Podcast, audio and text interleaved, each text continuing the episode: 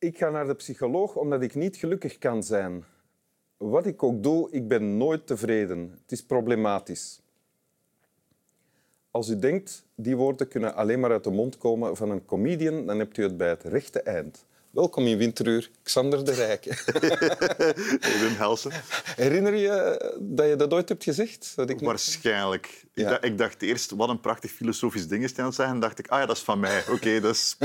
Ja hoor. Xander de Rijke, dus comedian natuurlijk, eh, podcastmaker sinds 15 jaar, 20 jaar, Eh wauw, eh, 13 jaar intussen. 13 jaar. Ja. Eh, Mosselen om half twee. Hè. Ja. Presentator op Studio Brussel, inderdaad. maar voornamelijk comedian toch? Ja, absoluut. En binnenkort te bezichtigen in de Lotto Arena. Inderdaad, ja. Op 8, 29 en 30 December. December. Ja. En het is al uitverkocht, maar mensen kunnen nog altijd zich op wachtlijsten zetten met Tuurlijk. ticketswap. Dus Illegale doorverkoop, ik moedig alles aan. ja, oké. ja. Ik wens jou een volle, eh, blije, eh, enthousiaste zaal toe alvast. En je hebt een tekst bij. Inderdaad. Wil die voorlezen? Jazeker. Perhaps the ultimate example of this almost pathological need to be funny occurred a number of years later after I became a friar myself. Uh, after I became a friar myself. One day I was walking toward the club located between Madison and Park Avenues, and at that particular time, for whatever reason, there was no one else on the street. Now, this is an important part of this story because when Henny Youngman, the comic affectionately known as the king of the one liners, exited the building in front of me, he thought he was alone. He didn't know I was behind him when he crossed the street. He didn't know I was behind him when, as he was about to step onto the curb in front of the club, a pigeon fluttered down and landed a few feet away. Henny didn't know I was there when, without a moment's hesitation, he looked down at the pigeon and asked, Any mail for me? Again, he thought he was alone and he was talking to a bird. Wat gebeurt er hier in dit stukje dat je net voorleest? Uh, uh, dit is uh, een, een, anekdote uit een boek van een schrijver, Alan Zweibel, een schrijver voor comedians. Mm-hmm. Geschreven voor Saturday Night Live, een heleboel comedians in de jaren 80, jaren 90. En die vertelt een verhaal over de pathologische nood van bepaalde comedians om grappig te blijven, ook al is er geen publiek. Dus hij is onderweg naar een club in New York die intussen niet meer bestaat. Dat heette de Friars Club. Dat was een soort clubhuis voor comedians. Ja. En voor hem stapt een oudere comedian uit de deur van een gebouw. Die loopt voor hem. Henny Youngman. Henny Youngman uh, was een, een, een, oude Joodse comedian die heel veel one-liners bracht.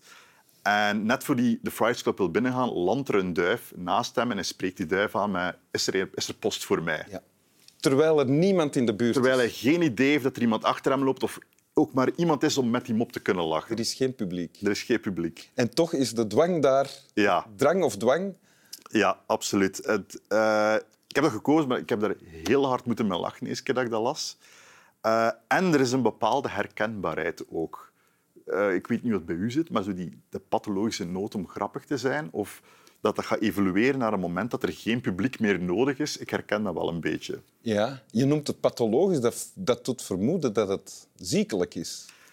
Ik denk dat wel. Ik denk dat het grappige is, uh, Wim Helsen, toen ik dit las, moest ik ook een klein beetje aan u denken. Oh? Niet op het ziekelijke af, maar ik weet nog lang, lang, lang geleden, toen wij elkaar voor de eerste keer ontmoet hebben, ja? uh, stonden wij backstage in Café de Joker in Antwerpen, ja? tot zover het backstage kan zijn, te wachten voor op te gaan. En ik stond afwezig mijn vinger onder een kraan te houden en de druppels tegen te houden. En jij sloeg mijn hand weg onder de kraan en zei van stop daarmee. En je bent naar buiten gewandeld. Is dat waar? En ik moest daar zo hard mee lachen, want ik dacht, dat heeft hij nu voor niemand gedaan, behalve voor mij. Ja, dat is waar, ja. ik herinner het mij niet, maar ik kan het me wel voorstellen. Het is wel grappig ook, vind ik. ja, dus... dus maar dus uh, dit soort dingen overkomt jou ook? Ja, absoluut. Ik, ik spreek diverse dieren aan op straat als er niemand in de buurt is. Ja? Ja, ik begroet vaak katten. Wat zeg je dan tegen die katten? Ik, zeg, soms, ik heb echt al gehad dat ik like, iemand zijn oprit passeer en er zit een kat in het midden van de oprit dat ik soms echt gewoon zeg van, dag meneer. En ik wandel gewoon door. en er is niemand die dat gehoord heeft. En, ik, en, en, ook vijf seconden later betrap ik mezelf wel op van, voor wie heb ik dat nu eigenlijk gedaan? En heb je dan niet soms de indruk dat die kat jou begrijpt en dat die terugknikt? Be, ik geloof dat graag, ja. Ja. Ik geloof, wij, ja, wij projecteren natuurlijk allerlei emoties en gedachten op dieren, maar... Ik Wat, je nu, ik, wat ik soms doe, ik praat niet tegen dieren op start, al vind ik het wel een heel uitnodigend idee. maar wat ik soms doe, eh, thuis, gewoon alleen thuis, als ik naar de wc ga, Ja. eh, voor de deur van de wc gaan staan en eerst kloppen. En dan wachten. En dan pas naar binnen gaan. ik doe dat ook graag als er iemand in de buurt is die het kan zien, als er publiek is. Maar het is eigenlijk nog plezanter om het alleen te doen. Absoluut. Ja. De, en ik, ik denk dat alle comedies dat zich wel een beetje, een beetje in, hen, in hen hebben. Of Ja. zo. Dat, dat, eh, die onvermijdelijke drang om iets entertainen te doen, of het toch uit te proberen misschien. Ja, om op zijn minst jezelf te amuseren. Ja, Ik blijf wel hangen bij het feit dat je het pathologisch noemt, dus ziekelijk. Want wat Ja. is het probleem daarmee eigenlijk? De- er is niet echt een probleem, maar, maar toen ik dit las, en dat is iets dat ik, ik lees, ik weet niet wat het is, maar ik lees veel biografieën van comedians of mensen die schrijven in de humor. En heel vaak heb ik de gedachte, mijn god, we zijn allemaal hetzelfde. Dus als, als het zo veel voorkomend is, denk ik van, er moet dan toch iets pathologisch aan zijn. Misschien wel, maar ik vind eh, problematischer grapdwang Ja, in een sociale context. Als je met veel comedians in een kleine ruimte zit, wat soms gebeurt, hè, als je ergens moet zitten wachten ja. in een line-up, dan, eh, ja, dan zijn er een paar die de toon zetten met heel snel heel veel Mhm. grappige dingen zeggen en dat wordt onontkoombaar. Ja. In die mate dat het verstikkend kan zijn. Ja, ja. Maar in mijn herinnering neem jij dat... Want jij bent dan geen sociaal beest op zo'n moment, hè? Jij neemt daar niet aan deel, eigenlijk. Nee, maar het, het hangt er ook vanaf van wat er moet gebeuren. Wat is de reden waarom we samenkomen? Snap je? Je kunt vaak hebben dat je een tv-programma doet en dan zit je met een heleboel comedians in een backstage geduwd. Ja. En dan wordt dat enorm haantjes gedragen. En ik denk altijd van, ik spaar mijn energie liever voor wanneer het echt nodig is. En dan zonder jij je- jezelf een beetje af. Ja, Ja. Ah ja, slim. maar in een, in een sociale context, als er, als er niets voor een publiek moet gedaan worden, dan, dan rijst dat wel naar boven. Ja. Heb je vandaag al eh, tegen een dier iets gezegd? Onderweg naartoe? Eh, nee, dat valt goed mee eigenlijk. Eh, nee, jammer genoeg niet. Ik heb de kat binnengelaten en, en daar doe ik wel... Ik ben wel de monoloog van de kat.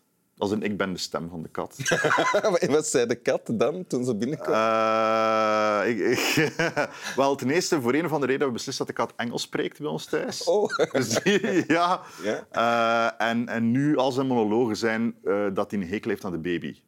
Omdat de baby nu wint in huis. Oh Ik ja. heb een maand oude baby, dus dan is de kat natuurlijk vervangen door de baby. Ah ja. Dus De- nu is al zijn frustratie naar de baby gericht, ook al is hij daar niet per se mee En bezig. hoe klinkt dat dan? Dus al... Ik kan niet geloven dat ik dit op eh, nationale televisie ga doen, maar de, de, de mengeling van mijn kat haar stem is eh, Gizmo uit Gremlins. Ja. Dus dat is heel erg hoog. Ja. En eh, een cartoon animatieaap uit Cloudy with a Chance of Meatballs. Dus hij roept ook vaak emoties zoals scary. Like dat bijvoorbeeld. Dat is allemaal dat. Oké. Hate the baby, hate it now, wanna go outside. Dat, is, al- dat zijn alle dingen die ik doe. Ah ja, ja. Ja, het is, ja, En dat zei de kat vandaag dan ook. dat zijn de dingen. Van, ja, de, de kat snapt niet dat ik de regen niet controleer.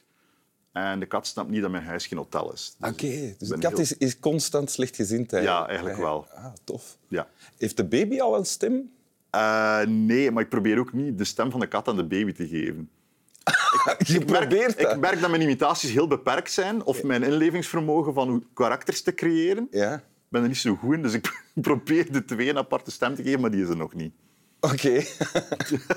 Wil je het nog eens voorlezen? Jazeker.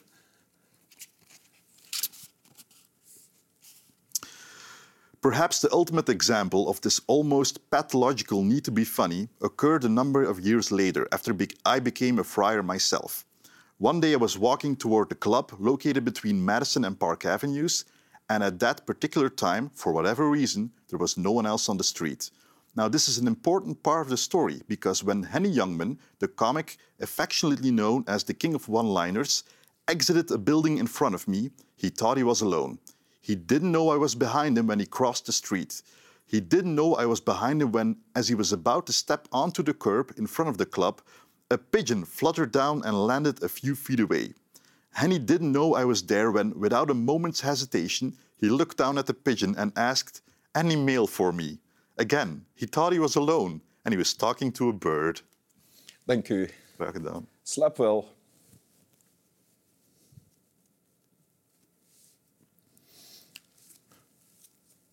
Allee, is het hier nou gedaan? Mag ik weg? Ik probeer nu de non te stem te geven. Ja, je mocht weg. Nog blijven liggen. Kijk, je zegt gewoon beter in keuzes maken qua karakter dat hij heeft.